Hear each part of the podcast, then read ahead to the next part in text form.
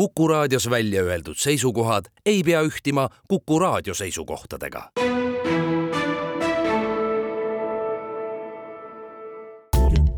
tähendused, teejuhid.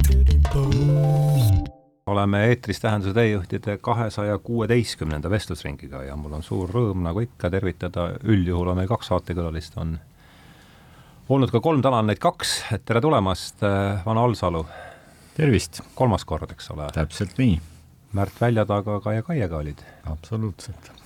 jah, ja tere tulemast, Jaan Toomik selles formaadis just rääkisime, et äh, näeme esimest korda, oleme jah, tere ka minu poolt. et on elu loksutanud meid siia-sinna ja, aga siin me nüüd, siin me nüüd oleme, et äh, olge hea, öelge, kuivõrd Jaan on esimest korda stuudios, et äh, öelge enda kohta hakatuseks, sissejuhatuseks, tutvustuseks paar sõna ja siis vaatame, kus me edasi läheme noh, ma olen ametlikult, äh, võiks ennast kõige rohkem pidada nagu kunstnikuks kui selliseks. Äh, mingis mõttes sellises renessansi võtmes, et ma olen väga erinevate meediumitega tegelenud siin. kaheksakümne viiendast aastast ametlikult ka esinenud näitustel.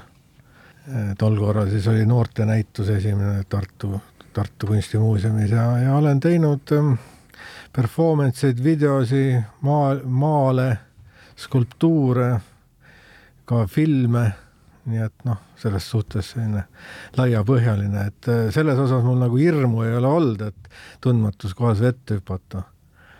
pigem on see olnud nagu mul alati nagu selline nagu ennast äh, taga kihutav selline vektor mm. enda sees. Ano jaa, on, siit on hea jätkata kohe, et mina ka hariduselt maalikunstnik ja näituse debüüt oli ka tuhat üheksasada kaheksakümmend viis kas olete, olete ühe aasta mehed enam-vähem või? me ei ole ühe aasta mehel, aga me oleme ühel kursusel Aha. õppinud.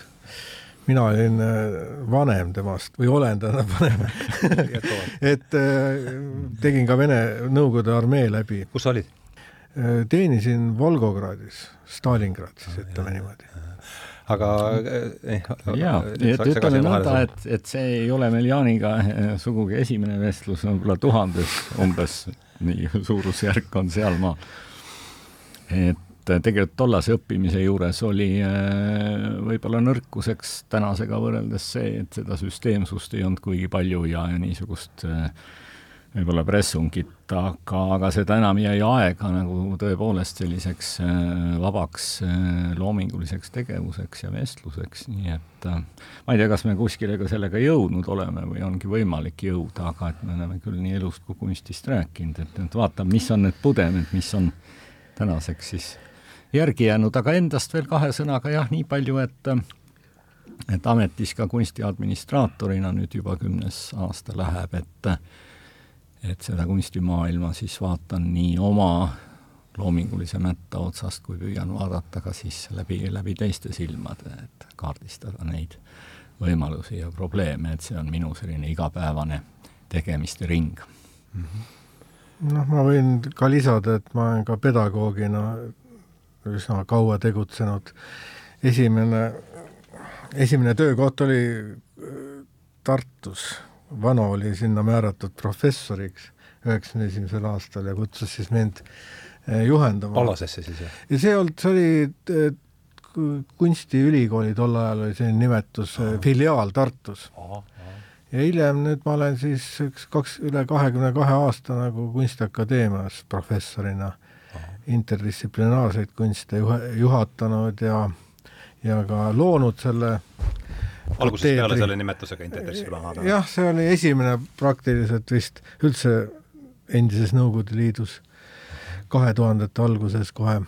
Ja ei, kahe tuhande, jah, kahe tuhandete alguses ja hiljem siis Mali osakonna professorina siiamaani. Äh, ja noh, mõtlesin teiseks küsimuseks selle, et kuidas te, kuidas te kokku või mis see teie, te tunnete pikalt teineteist, osaline vastus on juba käes, et et olite ühel kursusel, ma saan aru ja mul tuleb meelde sealt näituselt, mis oli siin nüüd äsja Kumus, mingi Praha, mingi Prahas Karli silla peal toimus mingi askeldamine. mitte mingi, vaid üsna konkreetne. võib-olla ongi parem öelda, et toimus mingi askeldamine et ja, et Vanuga ma, ma arvan. sealt võeti kahekesi kuidagi, eks ole? ma arvan, et me oleme kaks puuda soola küll ära söönud ja mina vähemalt omalt poolt võin teda oma sõbraks äh, nimetada no võin vastata sama, aga no mina olen natuke, on nagu selline noorem häbelikum vend nii-öelda selles, selles kõiges kogu aeg, et aga, aga vaatab, kuidas täna läheb, kes julgemalt julgemalt väljendub, kunagi ei tea, ega siia saatesse tulles ju ka tegelikult suuremat hirmu ei olegi, et kui võib-olla lõpuks räägid mingi sellise totaalse rumaluse, mis ei ole senini nagu mingil põhjusel välja tulnud, eks ole, ja teed seda eetris, et noh, et see teoreetiline võimalus on alati olemas. ja eriti sellise tuntud teatud äh, filosoofi ja mõtleja ees nagu Hardo siin on, eks. oh, mina rohkem pean ennast ikka sajaviski filosoof no ei tea midagi ei, no ja ei, ma saan aru, ma, ma, mis ma siin kõik olen kokku padranud siin äh, erinevates kohtades, aga et äh, kust te üldse olete pärit? kus sa oled, kus sa oled ja pärit äh,? mina sündisin Tartus. Tartus, jah? jah äh,. arstide perekonnas üli, noh, üliõpilased olid nad veel tol ajal. ja, ja mingis mõttes noored, noored vanemad olid ja, siis? teisel kursusel vist ema sünnitas mind. ja, ja siis hiljem ma kolisid Haapsalusse tööle, siis keskkooli ajal olen seal olnud ja mm -hmm. ja siis hiljem nüüd Tallinnas ja, ja praegu ma elan üldse nagu maal poolenisti, et see võib-olla tänase teemaga ka hiljem nagu ma puudutan seda mm, -hmm. seda elamist seal. kus sul on see? Äh, nagu sa tead, kas me kohtusime sinuga seal Virtsu, aa jaa muidugi, sa eladki, sa eladki seal? ma, ma olen sisse kirjutatud sinna lähedale. noh, siis sul on suvekodus no seda võib ka nii nimetada, et ma, ma olen nagu aadlik, et elan nii maal kui linnas, noh. no linnas on ka mingi pesa sul? jah, mul on siin äh, elamine ka mm, -hmm. linna lähedal õieti. pere, pere elab siin ja noh, mina ka siis, nii et pool aega siin, pool aega seal, nüüd viimane aasta on niimoodi toimunud mm. -hmm. et teatav selline äh, spirituaalne vaimne eksperiment ka sellega mhm. kaasneb, mida, mida ma siis hiljem nagu aru sain, et see on nagu märgiliselt kaasa tulnud minuga no vana sina, kus, kust oled sina pärit? no raske üllatada, siin Tartus sündinud esimesed kaheksateist aastat veetnud. Te olete mõlemad tartlased siis? jah, sünnipäraselt jah. noh, ma nüüd nagu ütleme, viimastel aastatel, võib-olla viimasel aastakümnel ma olen nagu taas niimoodi vaimselt Tartusse nagu hakanud tagasi minema järk-järgult mitte tegude kaudu, aga, aga võib-olla oma mõtteis ja, ja käies seal ja, ja rääkides inimestega ja suheldes, et aga mis mind Tallinna tõi, noh, tollal tegelikult praegu kõlab see naljakalt, aga enne ERKisse siis, eks ole, tollane Eesti Riiklik Kunstiinstituut õppima asumist ma olin Tallinnas käinud võib-olla umbes kolmel korral ja, ja, ja, ja kui seda kokku võtta ühte lausesse, siis see peaks olema see tõdemus, et, et meri äh, voolab igas suunas, aga Emajõgi voolab ainult ühes suunas, et ja, ja muud jõed, et et see mind võib-olla nagu kõige rohkem äh, isegi jahmatas mingis mõttes, see loomulikult äh, meri kui selline mm ju nähtusena on igale lapsele teada, aga, aga, aga, aga selle õhu ja, ja veeliikumise kogemine, et, et ma olen ennast palju nagu Tallinnas leidnud selles tähenduses, et ilmselt ma oleks teine inimene, kui ma oleks jäänud Tartusse, aga, aga kes teab, võib-olla isegi võib-olla huvitavam inimene või, või, või kuidagi tihedam või intensiivsem, on ka võimalik mm. -hmm ja mõlemad olete Tartus, Tartus kokku ei puutunud, siis äh, tulite? ei no mina tulin sealt ära, kui ma olin, või ah, toodi mind ära, kui ma olin seal kahe, kahe-kolme aastane võib-olla. siis olid Tallinnas juba? ei, siis Haapsalusse.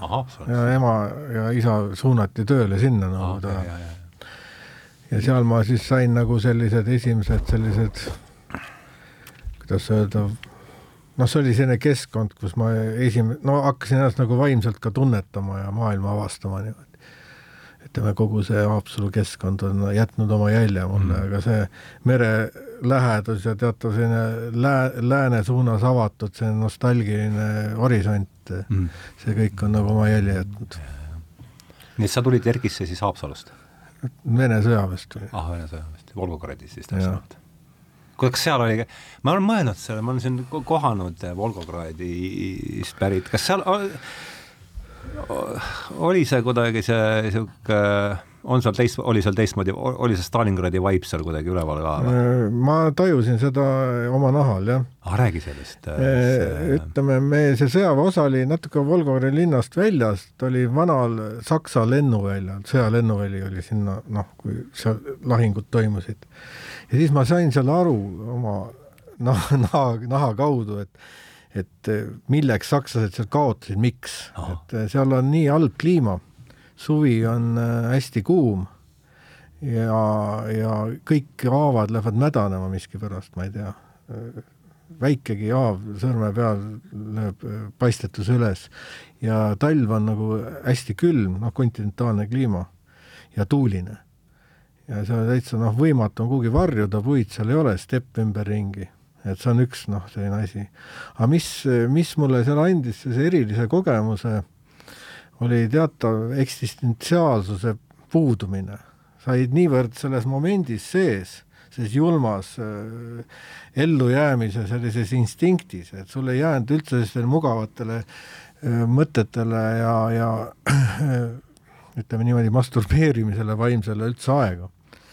Kuigi ma seal tegin selliseid huvitavaid äh, asju, ma olin siis nagu, mul oli kodust kaasa saadetud Äh, käsitsi trükitud Nietzsche üliinimene, on ju. ja siis oli mul siin kirsa vahel oli mingi kakskümmend lehekülge, siis ma postil olles seda lugesin niimoodi salaja. see oli eestikeelne, keegi sellest aru ei saanud ja ja, ja selles suhtes mind ei karistatud ka avastati see ärikas? ei, see oli, tähendab, mitte, see oli nõnda kõneles Saratust okay.. Oh. ja, ja, ja olles ise nagu sisuliselt orjaseisuses seal ja lugeda siis nõnda kõneles Saratust, vot see oli selline paras selline, selline sürrealistlik kontrast täiesti, noh. päris huvitav. mis väeosas sa olid? kaheksakümmend üks kuni kaheksakümmend kolm. ega mis väeosas? Äh, suurtükiväged, see, mis praegu äh, julmalt ma, ma ladu, põhiliselt äh, minu see sõjaväe rutiin seisnes üle päeva vagunite laadimises, noh nimelt Katjuša mürske la-, ladusime vagunites ja need saadeti Afganistani sõtta ah,. siis käis see troll? jah, see oligi just siis alanud põhimõtteliselt. ja mis see oli, kaheksakümmend üks kuni kaheksakümmend kolm? jah. Jah, siis polnud veel isegi Korbot mitte. Sta-, või Brežnev suri seal kaheksakümne kaheksa, kaheksakümne teisel aastal just, kui mul oli pool aega teenitud mm. -hmm. ja siis ma nägin selliseid hirmuilminguid kuidas sellised äh, tursked Vene sõdurid nutsid hirmust, et noh, et homme tuleb NATO kallale nüüd. kui Brežnev surnud on? jah, et oh. kuna neil oli oh. seda sisendatud, et kogu maailma rahu seisneb siis nagu Brežnevi õlgadel. Et noh, nagu praegu on vist Putini puhul, on ju et äh, ma nägin seda nagu täitsa kõrvalt pealt ja ma olin nagu hämmingus, et need inimesed, kes teisi seal äh, ahistasid ja piinasid, sisuliselt peksid üle päeva nõrgemaid, siis need hakkasid nutma nagu tead lapsed hirmust. Anna, mis sina tegid kaheksa teisel aastal, kus, kus elu oli sinu kandnud? kuna juba Brežnevi peale ja, jah, Brežnevi jutt läks, siis äh, jah, tema lahkumisega seoses on mul ka üks selliseid isiklikke kogemusi, mis võib-olla haakuvad kuulsatest äh, kogemustest kõige rohkem isegi Edward Munki kirjeldusega, kuidas tema karje sündis, kus ta räägib sellest, kuidas ta läks koos sõpradega üle silla õhtul ja ja, ja kuidas äkki taevas värvus punaseks ja, ja ta kuidagi siis jõuetuna nõjatus seal äh, nõjatus sellest silla piirdele ja et siis, kuidas ta kuulis või tajus, kuidas äh, nagu käis igavene karje läbi looduse just. jah, sellest sa rääkisid. jah, et see on, see on see, mida tihti inimesed nii-öelda ei pane tähele või, või unustavad, et mõeldes, et see on nüüd lihtsalt selline angst ja, ja, ja äh, muutuste aegade inimese selline ja siis ütleme nagu psüühiline mm, väljendus, aga see minu karje nii-öelda oli, oli ähm, kuidagi selline rohkem sissepoole pööratud. tähendused, teejuhid. selle asja jätkuks äh, Brežnevi surma puhul mina jälgisin teda siis nagu Nõukogude ühiskonnas ja, ja mis seal oli selline üsna tähelepanuväärne, et kui Brežnev suri, siis seda nagu, sellest nagu ei räägitud et noh, et see, see ühiskondlik hirm oli nähtavasti nii suur, et nad kartsid teatavaid selliseid ekstsesse ja mhm. ilma sammas kadunud. jah, ja, ja, ja see, see nagu vaikiti maha, nagu pea liiva alla pandi läbi selle hirmu. pandi teine ätt asemele ja jah, jah, see ka kiiresti see toimus, aga Brežnevit ei, ei, ei leinatudki eriti et äh, ta oli selline hirmusümbol, tuleb välja, et nii, nii, kaua, kui ta elas, oli ta selline kõikvõimas, aga kui suri, siis nagu äh, maeti sisuliselt nagu koera, selleks et enne seda meil suri äh, väeosa polkovnik või ülem sealsamas. ja, ja temaga oli sama lugu, et kõik teda tohutult austasid ja kartsid, aga kui ta ära suri, siis sisuliselt äh, oli täitsa noh, see, kuidas teda maeti, aga millest mina nagu osa võtsin, oli täiesti noh, ütleme, see, komöödia mõõtu sündmus.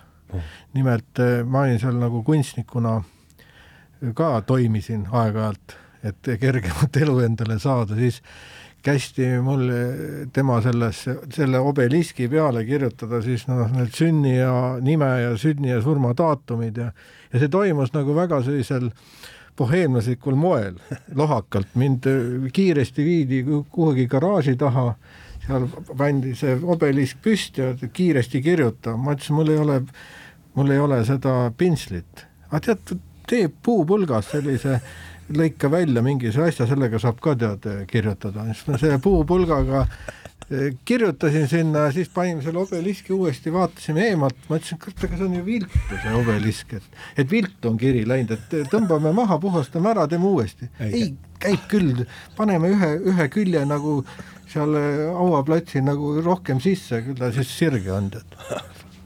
vot niimoodi siis toimus selle hirmu valitsejamatus lõppkokkuvõttes.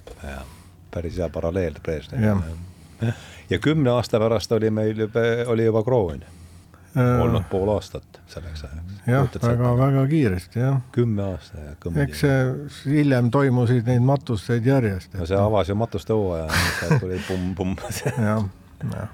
ja, ja, inter, interregnum järjest metafüüsilisemaks tegelikult, ma mäletan samamoodi keskkooliajast, see oli siis vist, kui on nüüd Andropov oli ka surnud ja Tšernekot seati ametisse ja kõik kavandati kooli aulasse ja see oli juba niimoodi, et noh, et tegelikult noh, kõigil oli väga-väga piinlik ja, ja see oli nagu noh, teatud mõttes muutuski nagu, see oli nagu väljaspool aega ja ruumi, noh, see, see oli nagu liiga imelik, et olla päriselt ja, ja kõik seda niimoodi võtsidki, aga metafüüsiline on üks päris huvitav äh, märksõna võib-olla ka hirmu kontekstis, kindlasti mm, sellise nagu kabuhirmuga või, äh, või hirmuga oma elu pärast, seda ei saa niivõrd siduda, aga korraks veel tagasi põigates isiklike mälestuste juurde, et kuidas me Jaaniga esimest korda kohtusime, oligi, et kui ma Tallinna õppima tulin, siis oli suveaeg ja aasta oli siis? kaheksakümmend viis. eksamitel oli. aa, siis oli Korba juba pukis meil. ei vee. kaheksakümmend viis suvel pidi olema, märtsis tuli ju. aga me kevadel olid eksamid Aha, ma... või kuidagi niimoodi. jah, vaat seda ma ei oskagi, ei oskagi. mäletage, kas, kes see oli? märtsi pleenumil tuli. no see oli igal juhul üsna. aga üsna alguses jah. kuskil niimoodi oli jah. jah suvine aeg, linn oli tühi ja tollane siis Kunstiakadeemia või Erki hoone, mida enam ei eksisteeri nüüd juba, juba mõnda aega tulin nagu paar päeva varem kuidagi sisse elada, esimest korda sinna majja läksin, kedagi ei olnud, et nagu tõmbasin mingeid uksi lahti kuskil, et noh, et kedagi näha, küsida, midagi rääkida. ja, ja, ja, ja tõmban ukse lahti ja seal istub üks noormees jalg üle põlve niimoodi nagu Jaan igav, igavledes, jah, ja see oligi Jaan ja siis äh, Jaan talle omase otsekohesusega, noh, et nagu kuidagi ja sellest on nüüd nelikümmend aastat siis ju peaaegu tagasi. peaaegu kolmkümmend kaheksa, jah, jah, et kuidagi mind nagu ära kaardistada, ilmselt küsis, noh, et millised kunstnikud sulle nagu meeldivad ja ma ei olnud nagu üldse valmistunud selleks väga, aga siis spontaanselt ütlesin De Chirico, eks ole. no see, leidsime ühise keele. jaa, leidsime ühise keele. no jaa, ja noh, De Chirico on ikka väga paljusid mõjutanud, midagi ei ole teha eriti just sellises äh, eskapistlikul ajal, nagu Nõukogude aeg oli, kus sa lõid oma sellise ideaalmaailma, kus sa siis elasid, siis, siis nagu sai niimoodi äh, pisikeste raasukeste kaupa seda informatsiooni koguda ja ja, ja kui ja... siit jah, mingeid raamatuid äh, näha ja, ja siis jagada neid ja. et kui siit edasi mõelda, võib-olla üks väike argnemine lihtsalt ka, et äh, noh, mis hirmu vastu aitab, et eks see viibimine oma mõtetes kusagil mujal on ju ilmselt üks selline ravim selle vastu olnud läbi aegade, noh mm -hmm. nii ka väga sellistes jõhkrates traumasituatsioonides öeldakse, et inimene püüab oma vaimus olla kuskil mujal ja see aitab tal ellu jääda, aga, aga, aga ka, ma arvan, et see teatav metafüüsika, mis loomuldasa nagu meie ümbruses oli, selline ebapraktiline, kummastav, niisugune irratsionaalne aspekt, et et tegelikult aitas ka mingit vaimset platvormi, nii et ma arvan, et see Kiiriku ei olnud, see ei olnud ainult kunstiline valik, noh, niisugune esteetilise meeldivuse pinnalt, et huvitav kunstnik, vaid ma usun, et, et, et see teatav selline metafüüsiline see platvorm oli ka noh, ütleme mingis mõttes ta oli aidanud selle, selle hirmu vastu, mis ümberringi, milleks oli põhjust siis ütleme mm., kas hirm tuleviku pärast mm. või, või ka noh, lihtsalt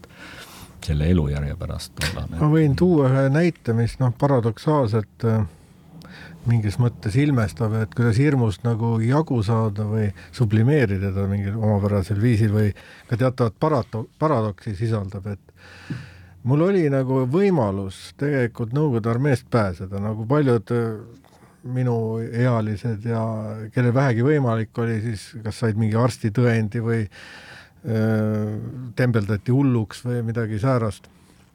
ja, ja siis ma olin seal sõjakomissariaadi vastuvõtukomisjonis, kus siis nagu saadeti nagu neid sõdureid teele, siis see sõja, see vastuvõtja komissariaadi töötaja, noh, mul ema oli ju seal, oli polikliiniku juhataja tol ajal ja mul oli isegi võimalus nagu mingi arstitõendi saada ja siis ta mhm. ütles, et Jaan, et mõtle nüüd, meil seal järjekord oli, sõdurid läksid niimoodi allkirja andma ja või tähendab sõdurikandidaadid. tuleb see kõik meelde endale. ja, ja, ja siis küsis, et, et me saame su ära päästa sõjaväest, aga sa pead minema pooleks aastaks Riia sõjaväe hullumajja. ja mul oli mingi selline kakskümmend sekundit aega mõelda. mõtlesin, et kui ma hakkan nüüd, lähen sinna sõjaväe hullumajja see pole ka meelakune. siis, siis ma pean seal teesklema hullu veel kümme aastat ja lõpuks ma nõrgestan ennast nii ära, et ma pean valima, ma kartsin väga Vene sõjaväge, eks, et tol ajal Afganistan oli ju käis, eks no,? Afganistan, ja ma ütlesin, et ei, et ma lähen sõjaväkke. et ma ei lähe sinna hullumajja, aga palun ärge saatke mind Afganistani aga just seda ta, seda just tehti. mind saadetigi Utšepkasse, kus treeniti kõrbesõjaks, onju. seesama Volgogradi see Utšepka siis? seal oli, seal oli selline sõjaväeosa või linn nagu Volsk teisel pool jõge, kus oli siis sõjaväeosa oli viis tuhat meest oli seal ja see oli see range režiimiga Utšepka, noh, Utšepka tähendab selline ja, ja, ja, ja aga õnneks mul õnnestus sealt kuidagi, kuna seal oli kogu aeg oli defitsiit nagu äh, sõduritest sõjaväeosades Volgograd on hästi, äh, Volgogradi oblast oli hästi militariseeritud piirkond Nõukogude Liidus. ja siis seal oli kogu aeg käisid mingid äh, orjakauplejad, sõdureid äh, endale seda materjali kogumas ja siis ma tõstsin ka käe püsti, et ma tahaks ka siit ära ja kuidagi võeti no, täitsa juhuslikult, sain sealt minema paari kuu pärast. aga muidu ma oleks läinud Afganistani. aga jah, see, et ma võitlesin hirmuga ja ma tegin kalkulatsiooni, et mis on mulle kasulikum ja päris kiiresti tuli teha seda? ja mingi paarkümmend sekundit, jah. Ja.. sina, kuidas sina, Vano, sa, sul, sa ei käinud sõjaväes? jah, no ma olin sinna minemas ja minemas ja ütleme, lõpuks päästis mind lihtsalt nii-öelda uus aeg. kord ja, ja aeg, eks ole, et eks ma oleksin, oleksin, no ma olen kuus aastat noorem Jaanist ka, et aa, nojah, see muidugi jah aga muuseas, terve kursus nagu tegutses, ma isegi käisin sõjakomissari jutul, et vanad äh, saate ära noh, rääkida, et et ikka vajalik kursusele ja kõik seda ja noh, sa igavene, ma arvan, et sa said ikka päris palju hirmu tunda, ütleme selle. jaa, no vaata, siit ma mõtlengi, et üks asi on hirm selle ees, mis on juba selgelt su ees avanenud, nagu sa oled olukorras, eks ole ju, no vahetu, ebakindlus äh, ja teine asi on siis see hirm selle ees, noh, mida sa mingil määral kujutad ette, eks ole, sul on mingi informatsioon, mingid lood, mida inimesed räägivad, aga samas ta on nagu piisavalt kaugel ja piisavalt suur ja ebamäärane, et mm -hmm.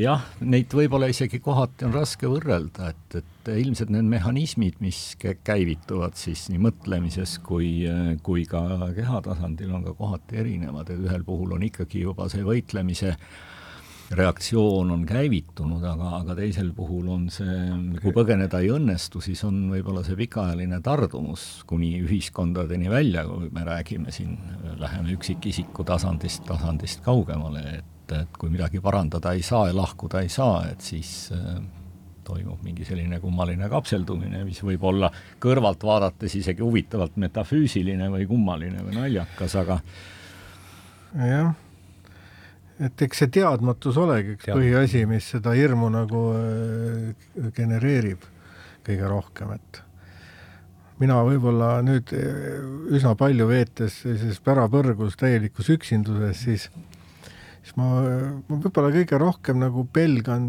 iseenda selliseid kujutlusi või midagi säärast, on ju. Mm.. et see on ka nagu selline üsna hea selline treening eh, sellises eas üle kuuekümneselt, kus paljud sellised eh, ihad ja kired ja kõik on nagu, nagu tagaplaanile nagu juba jäänud. aga mingi selline teadmatuse, ma arvangi, et surmahirm on üks, üks põhiasju Eh, millest johtuvad ka kõik teised hirmud ka ja see, see on just sellise teadmatusega seotud. noh, seda, seda on kõik, kõikvõimalikud religioonid on seda su-, püüdnud sublimeerida. Eh, noh, ma mäletan, kui ma olin kaheksateist, minule võib-olla kõige rohkem mõjus noh, tol ajal oli kogu see informatsioon ka väga nagu piiratud üks selline Samstati tõlge Tiibeti surnute raamatust, millel siis oli Carl Gustav Jungi selline eessõna või ta-, järelsõna.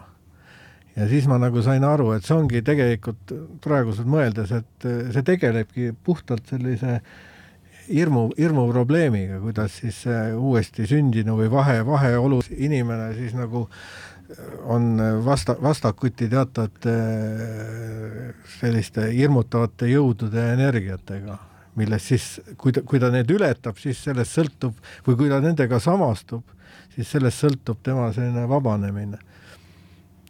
no lühidalt öeldes. millal sa lugesid seda Tiibeti surnute raamatut? no ma olin enne sõjaväge, võiks Aha, öelda isegi, jah.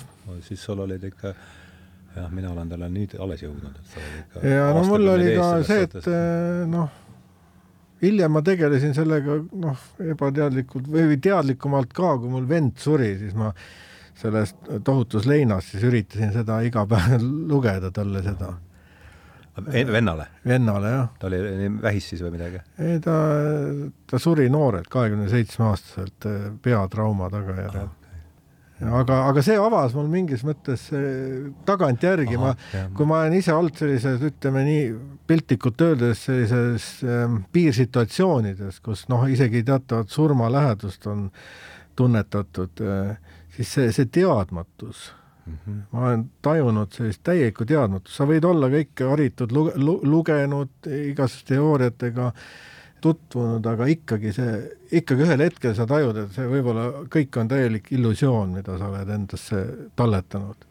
aga see täielik tundmatus ootab sind, et kas sa oled selleks valmis ja ma alati mitu korda, kui ma olen olnud selle piiri peal erineval moel, olen ma tajunud, et ma ei ole veel valmis sinna tundmatusse minema. ja, ja see on ka üsna konkreetselt hirmuga seotud mm palun, kas sul tuleb mm, Tiibeti surnute raamatuga, tuleb midagi ette, oled sa? ja ma tunnistan, et mul on ta riiulis, aga ma ei ole teda ei ole teda tänaseni lugenud, minu jaoks on Lao-Tzu, ma võtsin igaks juhuks täna ka kaasa, no et mingisugune selline selline nagu see pühakiri peab ikkagi olema, igaks juhuks mingi väike raamat peab olema. kelle tõlge see nüüd on? Linnart see on ikka Mäll, see on selline suhteliselt luuleline küll, aga noh. tähendused, teejuhid nii, aga meil on siin veerand tunnikest ja jällegi stopperi pealt me siin amm, aega ammugi ei võta, aga, aga mingiks orientiiriks, et oleme jõudnud viimase veerandtunnini ja et kuidagi nüüd mõtleme, kuidas see jutt meil kokku viia, et siin on palju teemasid, mis on olnud mulle siin läbi nende kõikide saadete südamelähedased, monoteism ja ja polüteism ja, ja Hillmani nimi käis ka läbi siit. ja tuli üks mõte üks tema arvukatest tsitaatidest, mis on jäänud mulle pähe, pähe tiirama, et meelepõhi on poeetiline. et ähm, mina just noh, olen teinud ka siin igasuguseid, igasuguseid asju, et oma, oma pundart siin niimoodi sättida ja ja mis on just üks on olnud, et noh, kuidas seda nüüd siis rääkida, et et kui pär, on pärast, pärast mingit eriskummalist kogemust mitte ei hakka kirjutama ega patrama, vaid hakata, pannakse inimesed just joonistama. et see on mulle tundunud, ma olen, mulle tundub, et noh, et see on väga kooskõlas sellega, mida, mida, mida Hilmar räägib just, just, just ütleme psühhoteraapias, mitte et ei hakka, ei hakka oma kogemust äh, verbaliseerima tingimata, vaid kõigepealt äh, üritad selle, nii noh, täpselt nii nagu keegi oskab, eks ma ei ole mingi joonistaja, aga aga no see on teatavate traumade ja, ja ka skisofreenia ravi puhul on see Aha. joonistumine või maal, maalimise või loometeraapia on ju, et äh, pannakse noh, näiteks Jackson Pollock ju läbis Aha. selle ja tõsi ka, jah? jaa, et seda ma ei teadnud. hullumajas sest ma olen isegi näinud äh, kataloogi nendest joonistustest ja töödest, mis ta siis seal noh, tol ajal nagu tegi siis äh, teraapia ma ei tea, kursuse või, või mille baasil, on ju mm. -hmm. ja, ja noh, et see on kunstis ju väga levinud selline sublimatiivne pingete ja, ja tungide maandamise moodus. eks see, eks see, eks see, eks see mingis mõttes ongi see kunstnikuks olemine tähendab seda, et noh, sa teistmoodi lihtsalt ei saa, et sa pead tegema, aga see, seda, seda tingib teatav selline äh, energia üle, noh, energia ülejääk või, või mingite pingete või komplekside selline summa, mis tingib seda kõike, et sa pead seda lihtsalt tegema. nii ja, nagu ma arvan, et ma mõistan Vanot, et aeg-ajalt äh, peab sellise üsna sellise ratsionaalse administratiivse tööga tegelema ja siis öösel, öösel elab äh, üsna sellises kaootilises vormis oma äh, loomingus seda kõike välja, mis üle jääb sellest ja mis pinged tekivad seal. no võib-olla on see psühhoanalüütiline hästi lihtsustatud. ei, ega tegelikult ju asjad ongi lihtsad, korra läks mõte jalgpalli peale, ma ei ole, ei ole suur asjatundja, aga seal on ka nii, et ühed mängivad ja siis teised on tribüünidel ja vahel nad märatsevad, et noh, tegelikult iga kunstnik sooviks ka, et publik nagu elab kaasa talle, on ju, ta leiab kontakti. Ja noh, seal on see nii-öelda ürgsete tungide ja ka agressiooni väljaelamine noh, väga selline ilmselge, aga, aga ega lõpuks siis kui me võtame niimoodi, et näiteks piirdume kunstiga, et kunst on ikkagi suhteliselt ohutu, turvaline viis ühiskonnale elada välja, kunstnik ei ela ju välja ainult nii-öelda enda isiklikku ängi, vähemalt kui ta on hea kunstnik, ta tähendab ikkagi jõuab mingile üldisele pinnale, see ei ole ainult täpselt tema perekonnalugu, see ei ole ainult tema mõtted no. ja, ja ta jagab neid teistega, eks ole, ja, ja see on viis, kuidas saab neid olulisi küsimusi lahendada, mitte ainult poliitilises diskussioonis või pikkades aruteludes, vaid sellisel mm -hmm. komplekssel, visuaalsel, verbaalsel viisil, eks ole, mõelda oluliste küsimuste üle, mis on inimese elus, elus tähtsad, et see võiks olla ikkagi üks missioon ja, ja samas ka selle ökojalajälg on suhteliselt väike, eks ole, see on selline ma natukene vaidleks sulle vastu, eks, et äh, ajaloos on ikkagi olnud, äh, kunst on väga kanoniseeritud olnud ja need piirid on olnud suhteliselt ranged, et mismoodi ja kuidas on või tohib nagu kujutada. et ta on ikkagi väga tugev ideoloogiline, ta, ta ei ole noh, ta on, ütleme, see pehme, väga tugev pehme ideoloogiline relv ikkagi. Et noh, võtta siin sots... ma mõtlesin uusimat kunsti praegu, mis on aga, aga praegu on tekkinud mm -hmm. väga tugevad sellised kaanonid ka selles mm -hmm. teemade valikus ja mm, -hmm. ja, ja mis teemad, noh, kui sa, kui sa hakkaksid nüüd praegu noh, tegema mingit, noh, ma ei tea, noh, vastukaaluks mingeid naiste vägistamise, noh, selles positiivses võtmes nagu teoseid, no aga sa näitusele ei pääseks, noh. no ma ei kujuta sellist tegemist ette. kus sa, kus sa kägistad mm. seal mingeid äh, naisõiguslasi või noh mm., ütleme niimoodi, noh piltlikult öeldes, kujutad neid, no ma ei usu, et sa saad kuskil näitustel nendega. no see haakub sellega, mis oli siin varem. et, et eh, ma arvan, et see hakkab tekkima ka mingi kanoniseeritud kunstikeel mhm. paljuski noh, aga noh, sellised süütud asjad on lubatud siis võib-olla rohkem kui ütleme Nõukogude ajal, Nõukogude ajal oli abstraktse kunsti tegemine oli ju tegelikult täiesti no peaaegu et keelatud noh ütleme meil siin vähem, aga, aga, aga Venemaal oli see ju peaaegu karistatav. nojah, kelle töö see oli, fašist lendas üle, oli see linoollõige, see ei see oli, see ei olnud seda ma ei tea, ma tean seda algselt ten, Teinekal oli vist see ah jah, õige, õige jah, aga jah, ei, üks sarnane motiiv on jah, Eesti kunstis ka muidugi, et ja, ja noh, väljaspool kaanoneid ju äh, kunstiajaloos oli väga raske üldse toimida, et neid piire nihutati väga-väga mm -hmm. aeglaselt. ei, ma olen Jaaniga nõus selles osas, et noh, vabaduse piirid, ega mitte ainult ju kunstis, ühiskonnas ka, need on alati väga kokkuleppelised ja need nihkuvad siia-sinna ja, ja sellel hetkel, kui nad on ära nihkunud ja enamus on leppinud sellega, siis tunduvad need olevat igavesed ja ainumõeldavad, et kunstil on loomulikult omad, omad piirid olemas, et mm -hmm jah, noh, see on nüüd jälle omaette teema. see on pikk, no see on juba selline sügavam teema, et noh, kunstikaanonitest ja piiridest ja, ja sellest võib järgmine ja. järgmine kaks tundi rääkida, et noh, et kui me jääme selle hirmu kas ma võin, mul on üks, äh, äh, sa nimetasid enne, et meelepõhi on poeetiline, mul täiesti juhuslikult on välja kirjutatud siin üks äh, siis Heideggeri mõte, mis tegelikult on Mihhail Lotmani kaudu, eh, kes ütleb niimoodi, et Heideggeri järgi on hirm seotud olemise enese aluspõhjaga, et, et võib-olla mm -hmm. kuna me mhm. täna tegelikult tegeleme ikkagi, mul tunne, üritame kaevata ütle palun see lause veel e,. nõnda e,, Heideggeri järgi on hirm seotud olemise enese aluspõhjaga mm. -hmm. ja, ja Lotmani hirmusemiootika, vene kultuuri tüpoloogia viies ennast meeleollu, meeleollu tänaseks äh, lindistuseks, siis, siis natukene vaatasin ringi ja sattusin sellise toreda, toreda teksti peale, mille esimene osa on tegelikult kultuurisiemiootika ja hirmufenomeno, fenomenoloogia probleemi püstituseks, et kus ta tegelikult äh, see on nüüd Lotman? Äh, jah, see Mihhail Lotman, et kus ta vahvasti noh, talle omasel sellisel Äh, noh, targal ja siiski mulle tundub ka võhikule päris hästi loetaval viisil äh, neid, neid asju kaardistab, et mis jäi sealt kõrva? Äh, jah, no see viide Heideggerile jah, oligi võib-olla mm -hmm. see, mhm. mille ma sealt, sealt kinni püüdsin, et see toob meid mingis mm -hmm. mõttes võib-olla siia algusesse tagasi, et noh, üks kiusatus oleks olnud rääkida sellest süsteemide keerustumisest, mis mm -hmm haakub ka sellega, et, et, et ka reeglistikud kindlasti keskaegsel mm, ütleme, altari või ikoonimaalijal olid nad väga selgelt paigas, ma ja, usun, ja võib-olla oli nii, et Lübeckis oli mõni asi lubatud, mis ei olnud äh, Viinis, aga, aga laias laastus olid nad noh, ühes kohas.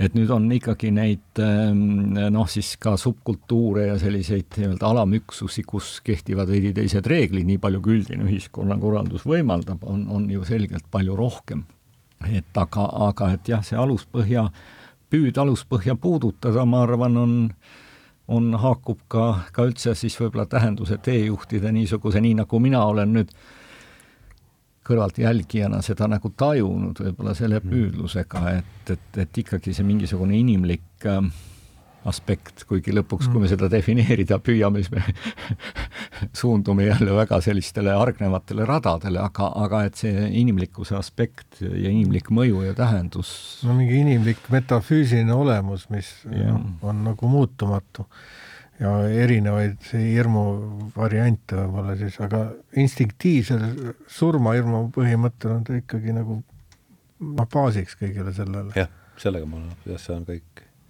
sest see on see viimane tundmatu, millest jah, ja. ei ole ühtegi. ma võin siin ju, me võime siin kirjeldada mingi, kaevata välja mingeid lapsepõlvehirme ja noh, ma ei tea, igalühel on see võib-olla erinev. noh, ma usun, et me oleme juba kuulajad pannud natuke proovile oma isiklikke mälestustega, ärme, rohkem midagi lisada, kui ma tohin ühe ühe mõtte, mis mul tekkis seos, et noh, see on ju selline rahvatarkus, et mure jagades kahaneb, aga rõõm kasvab ja, ja tõepoolest mulle tundub, et see noh mm., kehtib vist alati. aga me oleme karjaloomad ilmselt, see on see küsida teilt, et kuidas teile tundub, kuidas on hirmuga ja kui ma püüdsin sellele ise mõeldes, mulle tundus, et see on vist kord nii, kord naa, et siin kas ta kahaneb, kui me jagame oma hirmu teistega või kasvab, et noh, siin on ju päris hea näide Covidi mm -hmm. protsess, et see hirm ju pigem seda nagu geomeetrilise jadana nagu suurendati just kollektiivselt ja mina ja väga lihtne ja see elab, minu meelest elab nüüd üldse oma elu seal väljas, meist ja. üldse sõltumatult, et nii palju ma ka olen... hirmu on võimalik täiesti jagades nagu suurendada, noh, ja paljud sellised võimustruktuurid ju kasutavad seda ära just täpselt, manipuleerides sellega. on võimalik võtta siin inimese tervis ja lapsed ja, ja, ja toimetulekud ja, ja, ja sa oledki selles püünises täiesti sees ju et noh, et ma arvan, et on mhm. võimalik. valmistudes mõttes kuidagi tänaseks vestluseks ma sain aru, et jah, et ma arvan, et hea, et me vähemalt püüdsime keskenduda natukene, hoida seda mingit kunstitelge ja, ja oli ta siis nii isiklik või üldine, kui ta oli.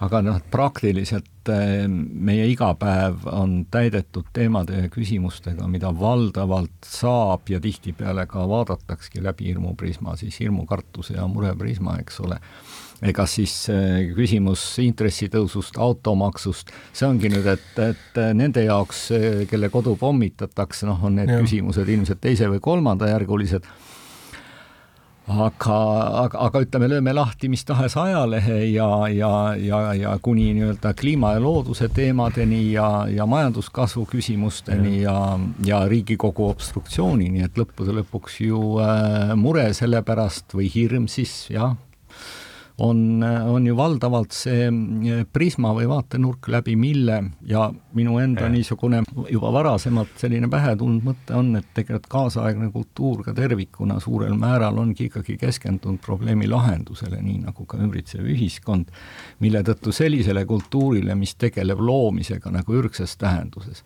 ma arvan, et loomine ürgses tähenduses ei tegele mingi probleemi lahendamisega, ta võib luua probleeme lõpuks, mhm. eks ole ju kui Jumal lõi maailma, siis sellega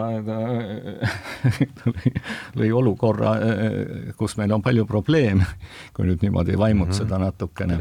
sest seni, seni seda olukorda ei olnud, aga et laias taastus on ikkagi võimalik, ma usun, mingit sorti loomine, mis äh, lähtub, võib-olla ta lähtub tungidest, võib-olla ta on isegi paratamatu mingil viisil, on ju, aga ta vähemasti ei tegele lisaks kõigele muule mm -hmm. kogu aeg mingite probleemide lahendamisega, sest nende lahendamine ei näi neid probleeme ära lahendavat, vaid ta kohati mm. nagu vähemalt sellel mentaalsel tasandil ta selle raami piires, milles mõtleme ja, ja, ja me õpime ka nägema kõike läbi probleemi prisma, et, et äh, ei hakka siin pikalt-laialt rääkima, aga tõepoolest ka ütleme, kultuuriprojekte, taotlusi kirjutades on ju selge, et noh, et aga need on ikkagi pead tegelema mingi probleemi lahendamisega, et, et see keegi loob midagi, ütleme, lihtsalt niisama see tundub nagu selline raiskamine olevat, et seda ei ole tarvis.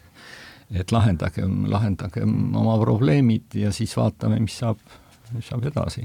see üks huvitav sõna, mis ma esimest korda kuulsin ka Covidi aeg, see Erik Davison, ma ei tea, kes ta on, üks kirjavaskeldaja on ta igatahes, kultuurikriitik ja võib-olla isegi kunstikriitik, ma ei tea, aga tema niisugune sõna nagu solutionism polnud varem kuulnud niisugust, aga see haakub väga solutionism ja et noh, mhm, mhm. mõtlemine, et on olemas kuskil, et kui me nüüd võtame kõikvõimalikud projektikunstid, mis kõik haakuvad sellega, mis on nagu, nagu noh, tihtipeale pseudo, pseudo sellised probleemid. probleemid, aga jah, jah. ja, ja noh, see on, ühiskond to-, toidab seda ja kultuuri selline noh, paradigma, mis meie ümber on et sellega võib nõustuda küll, jah. jah, ja kunstiga võib-olla me saame ikkagi mingis mõttes sõgeduse, sõgeduse ja liiasuse vastu natuke võidelda. Selle kaudu, et me püüame juhtida tähelepanu sellele, mis meie arvates on oluline, kõik ei pruugi meiega nõustuda, ja, ja, ja, ja, ja see haakub natuke ka ühe sellise budistliku mõtteteraga, mis niimoodi mm, lihtsustatuna ja jämetakoeliselt väljendatuna on selles, et hoidu lollidest. Jah, see ja, ja ka lollusest enda sees, see on samamoodi. aga võib-olla ongi hea siin tõmmata praegu joon alla siis. et aitäh tänastele külalistele, aitäh, Vana Alsalu mm, -hmm. aitäh, Jaan Toomik, oli suur rõõm teiega, Jaaniga üldse esimest korda oleme mm -hmm. nii pikalt äh, mm -hmm. rääkinud, et oli väga rõõm, suur rõõm ja aitäh teile. no võta heaks suur et, tänu, äh, et kutsusid rääkima, täna ei lasknud sinu, hea meelega alati olen kuulanud, äh, kuulanud ka sinu juttu, et täna läks kuidagi nagu tekkis mingi elevus ja ei lasknud sul väga palju, palju kõneleda, aga ei, aga kõik aga..., äh, see ei ole, see ei ole saate eesmärk Sa, saade on nüüd ja. läbi. tähendused, teejuhid